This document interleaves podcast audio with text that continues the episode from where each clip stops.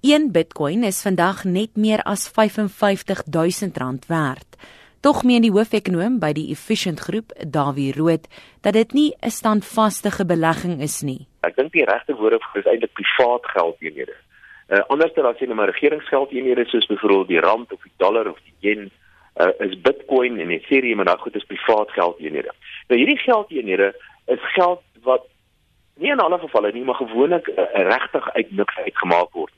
So dis 'n klub mense, dis 'n klomp mense wat bymekaar kom. Is eintlik 'n groep rekenaars in die geval van Bitcoin en die meeste van die ander van hierdie privaat geldeenhede. Hulle kom bymekaar en hulle besluit op 'n gemeenskaplike betaalmiddel wat hulle dan nou 'n naam gee, soos byvoorbeeld Bitcoin.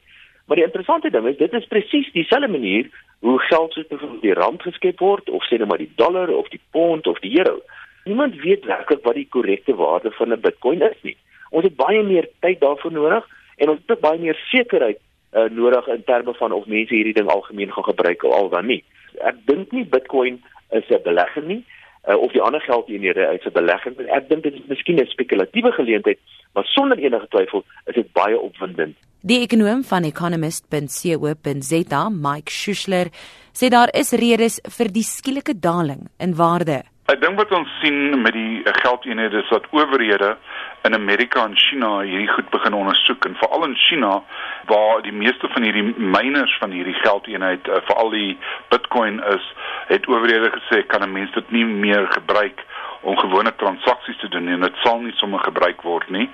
En dit het die hele mark 'n bietjie in duie laat stort, veral omdat uh hierdie geldeenhede so versprei het. Ons het nou oor 1000 sulke geldeenhede en baie van die geldeenhede het eintlik die waarde verminder van die oorspronklike geldeenhede wat daar was.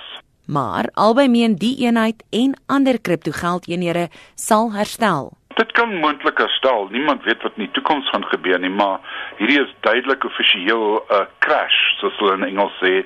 Die ineenstorting van hierdie geldeenhede is nou meer as 20%.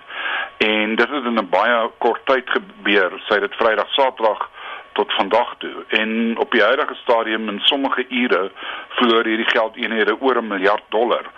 So dit is 'n uh, baie baie groot uh, ineenstorting. Daar word amper daagliks nuwe van hierdie privaat geldeenhede uh, tot stand gebring. En mense moet onthou, laat hierdie baie van hierdie geldeenhede is is is uh, digitaal, met ander woorde dit is elektronies. Baie van hierdie geldeenhede is ook geïnkripteer, wat beteken is baie moeilik om te sien wat aangaan. En alhoewel sommige van hierdie geldeenhede uh, verbân word in sommige lande, is dit amper nie prakties moontlik om dit heeltemal te verban nie. So alhoewel dit 'n verband is in China, sonder enige twyfel word dit nog steeds deur baie Chinese gebruik. Uh, en en daar gaan kokos van die nuwe geld in hierdie wes en ek dink wat uiteindelik gaan gebeur of die politici nou daarvan hou of nie, hierdie is 'n nuwe tegnologie wat al homself al klaar gevestig het in 'n groot mate en ek dink hierdie tegnologie is hier om te bly. Dit was die ekonome Dawie Rood en Mike Schuessler. Ek is Melissa Tuggie vir SAK nuus.